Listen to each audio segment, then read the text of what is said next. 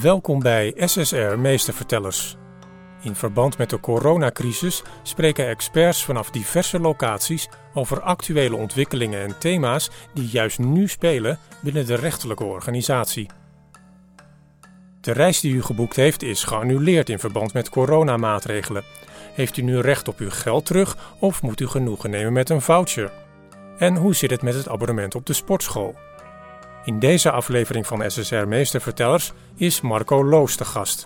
Als expert in het consumentenrecht praat hij u bij over uw rechten en plichten als consument.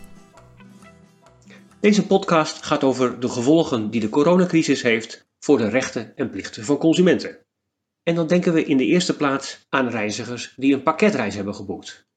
Bijvoorbeeld het geval waarin ze een vlucht plus een hotel aan het Gardameer in Italië hebben geboekt. Kan je nou die overeenkomst annuleren? Moet je dan schadevergoeding betalen? Of heb jij juist recht op terugbetaling van alles wat je betaald hebt? De Europese wetgeving, waar onze regels op gebaseerd zijn, zijn op dit punt duidelijk.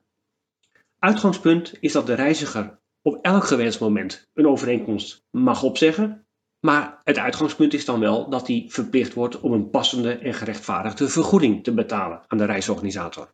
Dat is echter anders als het gaat om onvermijdbare en buitengewone omstandigheden op de plaats van bestemming of bij het personenvervoer naar die bestemming toe, die meebrengen dat het gerechtvaardigd is dat de consument of de reiziger de overeenkomst beëindigt.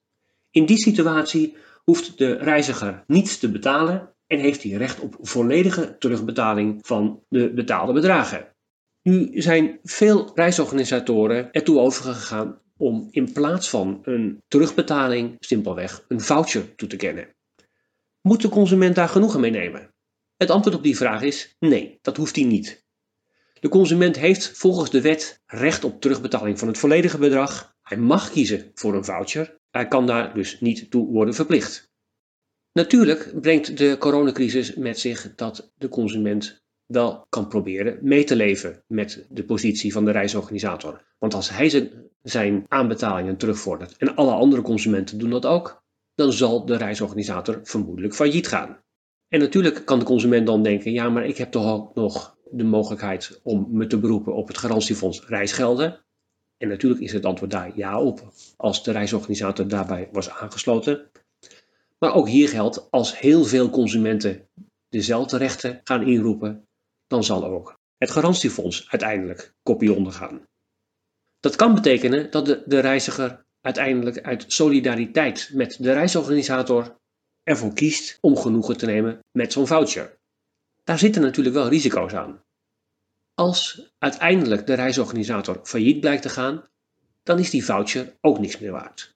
En hetzelfde geldt natuurlijk als vervolgens een claim wordt gedaan op het garantiefonds en het garantiefonds zou failliet gaan. Dus vanuit de individuele consument gezien is het beste wat je in zo'n geval kan doen, is gewoon vragen om volledige terugbetaling van de aanbetaling. Dat kan anders zijn op het moment dat het voucher recht geeft op iets meer dan waar je aanvankelijk voor geboekt had. Stelt u zich voor, u had een vakantie geboekt naar het Gardameer in Italië en u zou daar voor een bepaald bedrag in een hotel van drie sterren verblijven. Op grond van het voucher dat de reisorganisator u nu toekent, zou u in plaats van in een 3-sterren hotel voor dezelfde prijs in een 4-sterren hotel kunnen verblijven. Of in plaats van een week krijgt u nu 10 dagen de tijd om te verblijven. Dat zijn beide voorbeelden van gevallen waarin de reisorganisator meer toekent dan waartoe hij op grond van de wet verplicht is. En dat kan meebrengen dat het voor de consument zinvol is om uiteindelijk genoegen te nemen met het voucher, omdat hij daarmee de mogelijkheid krijgt op een beter resultaat dan waar hij op grond van de wet recht op heeft. Natuurlijk is niet alleen de reiziger degene die mag opzeggen, mag beëindigen vanwege de coronacrisis. Dat geldt ook voor de reisorganisator. En uiteraard behoeft de reisorganisator in dit geval geen schadevergoeding te betalen voor de beëindiging van de reisovereenkomst.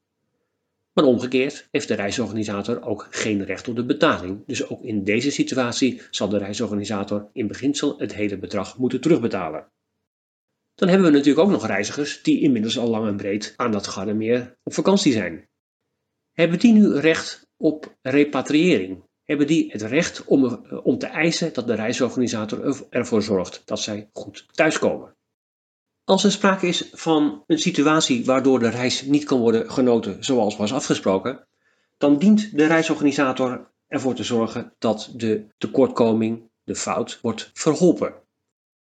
In het geval van de coronacrisis is dat natuurlijk onmogelijk. Als we het over Noord-Italië hebben, betekent dit dat het hele land eigenlijk op slot zit.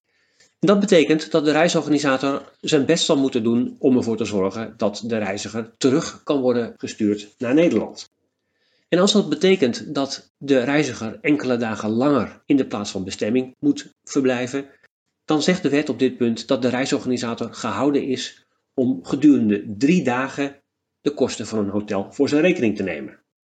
Als de vertraging langer duurt, zal de reiziger deze kosten dus zelf moeten dragen. Alleen de eerste drie dagen worden vergoed, de dagen daarna zijn weer voor rekening van de reiziger. De reiziger kan natuurlijk ook de luchtvaartmaatschappij aanspreken. Op grond van de verordening instapweigering is de luchtvaartmaatschappij gehouden om bij annulering van een vlucht ervoor te zorgen dat de passagiers die in de plaats van vertrek van die vlucht vastzitten, onderdak wordt geboden. En anders dan de regels bij de reisovereenkomst geldt daar geen beperking voor in de tijd. Hoe komt dat eigenlijk? De regels van de pakketreis zijn een paar jaar geleden aangepast. En dat is gebeurd nadat in IJsland een vulkaan was uitgebarsten, die ervoor zorgde dat het hele vliegverkeer in Europa verstoord was.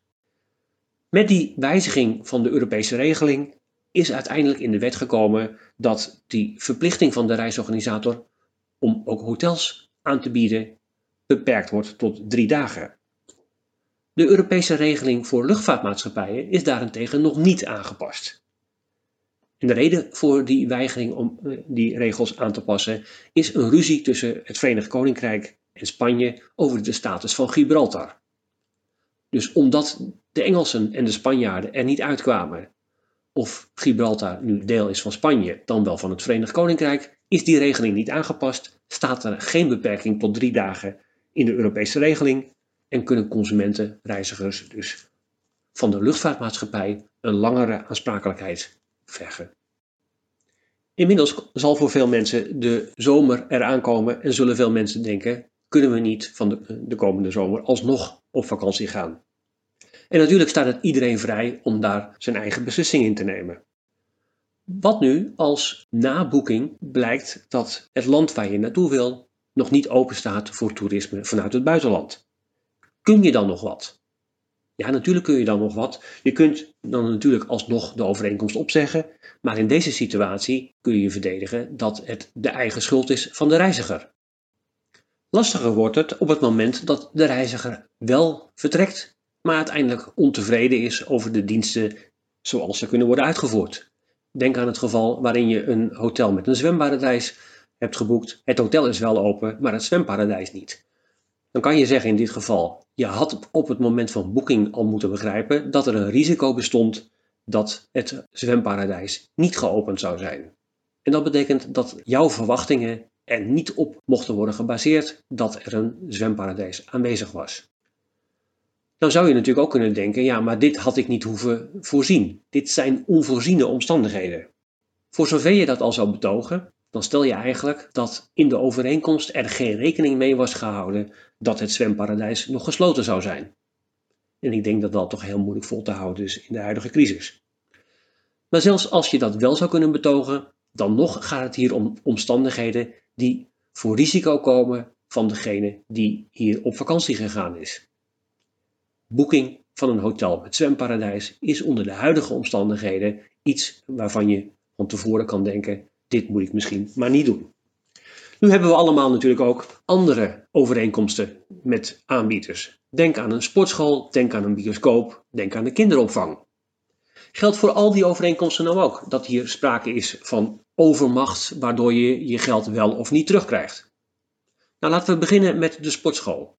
Je hebt een abonnement voor een jaar en dat abonnement wordt door de sportschool op dit moment niet nagekomen.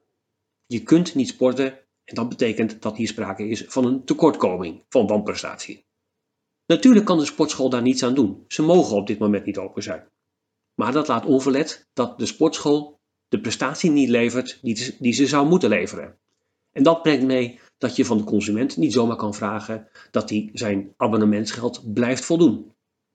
De consument kan in dit geval de overeenkomst gedeeltelijk ontbinden.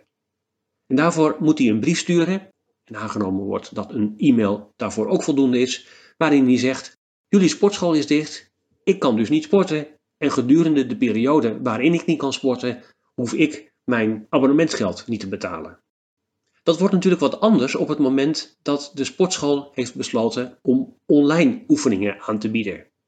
Dat is natuurlijk niet hetzelfde als kunnen sporten in de sportschool zelf. Je kunt niet aan de apparaten zitten, maar je kunt wel je conditie op peil houden met de hulp die de sportschool op dit punt biedt. En dat kan meebrengen dat als een rechter hierover zou moeten oordelen, de vraag wordt gesteld of de consument, in dit geval de overeenkomst wel gedeeltelijk mag ontbinden. En de rechter kan er ook over zeggen, nou je mag wel een deel van het abonnementsgeld over deze periode achterhouden, maar niet het gehele bedrag. Je krijgt immers nog een deel van de dienst wel geleverd.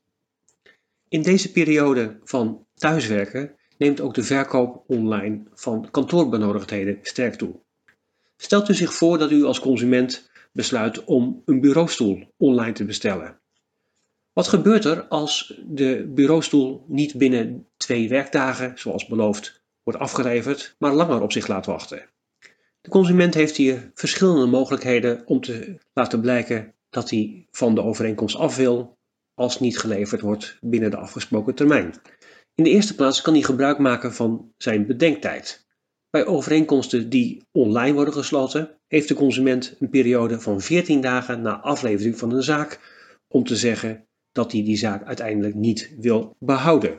Als hij hierover goed geïnformeerd is, kan hij de bureaustoel terugsturen na ontvangst en moet hij alleen de kosten van de terugzending betalen. Als hij voor ontvangst van de bureaustoel al van de overeenkomst af wil, kan ook dat. Dat hoeft hij alleen maar kenbaar te maken door middel van een ondubbelzinnige mededeling aan de verkoper. Een levering na dat moment is dan voor rekening van de verkoper zelf en dat betekent dat hij in dat geval ook de kosten voor de terugzending zal moeten vergoeden.